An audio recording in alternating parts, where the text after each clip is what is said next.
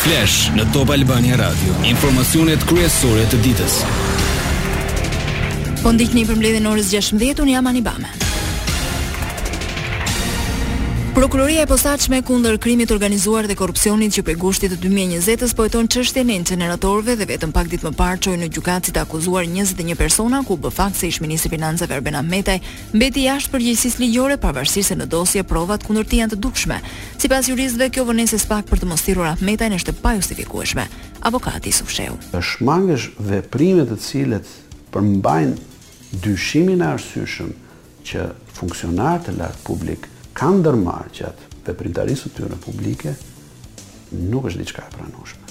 SPAK-u duhet t'i jepte vëmendjen e duhur këtyre çështjeve dhe veprimeve të tyre. Për pasojë, duhet të jenë të justifikuar nëse çështje, rrethana dhe fakte të caktuara nuk janë administruar dhe nuk janë vlerësuar.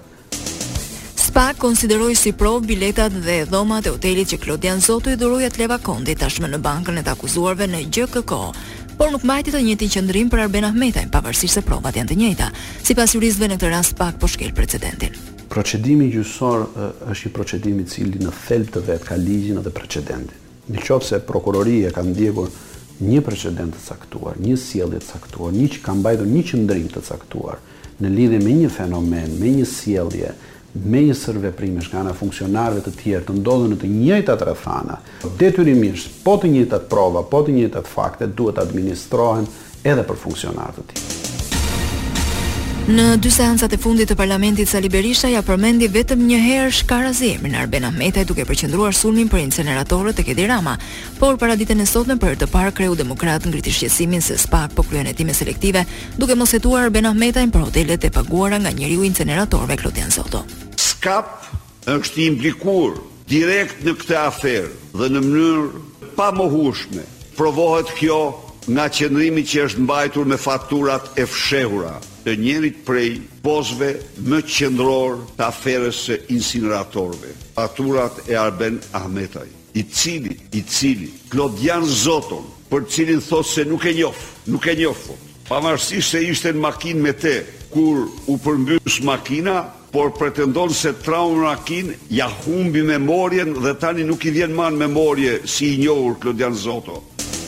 Berisha foli edhe për lidhjet e mëhershme të Arben Ahmetajt me Klodian Zoton. Klodian Zoton ai e ka patur menaxher të Hermesit. Hermesi ka qenë kompania e Telekomit në vitin dy mijë e njëmbëdhjetë, dy mijë e dymbëdhjetë e Arben Ahmetajt me të cilën i ka vjedhur Në mos gaboj trembëdhjetë miliard impulse Albtelekomit, një shumë kjo prej trembëdhjetë milion eurosh.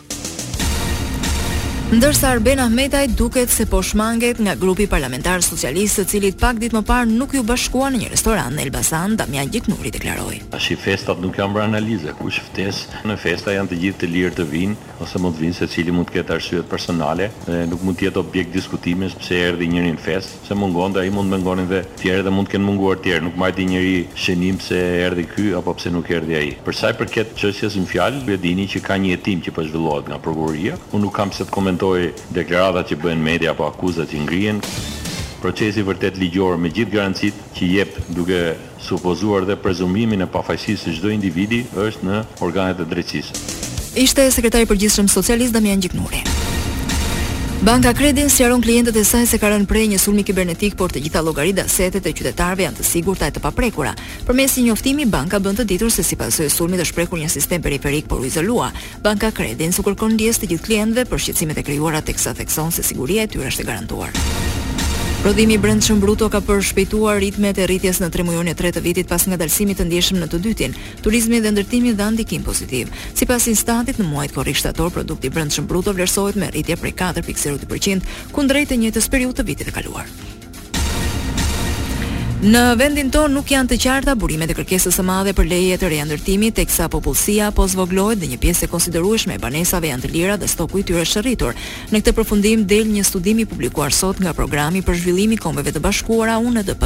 Aty theksohet se në Shqipëri nuk ka kërkesë tregu për këtë rritje të ndërtimeve të reja, por në tetë vitet e fundit çmimet e pasurive të paluajtshme u rritën me njëqind e dy për qind.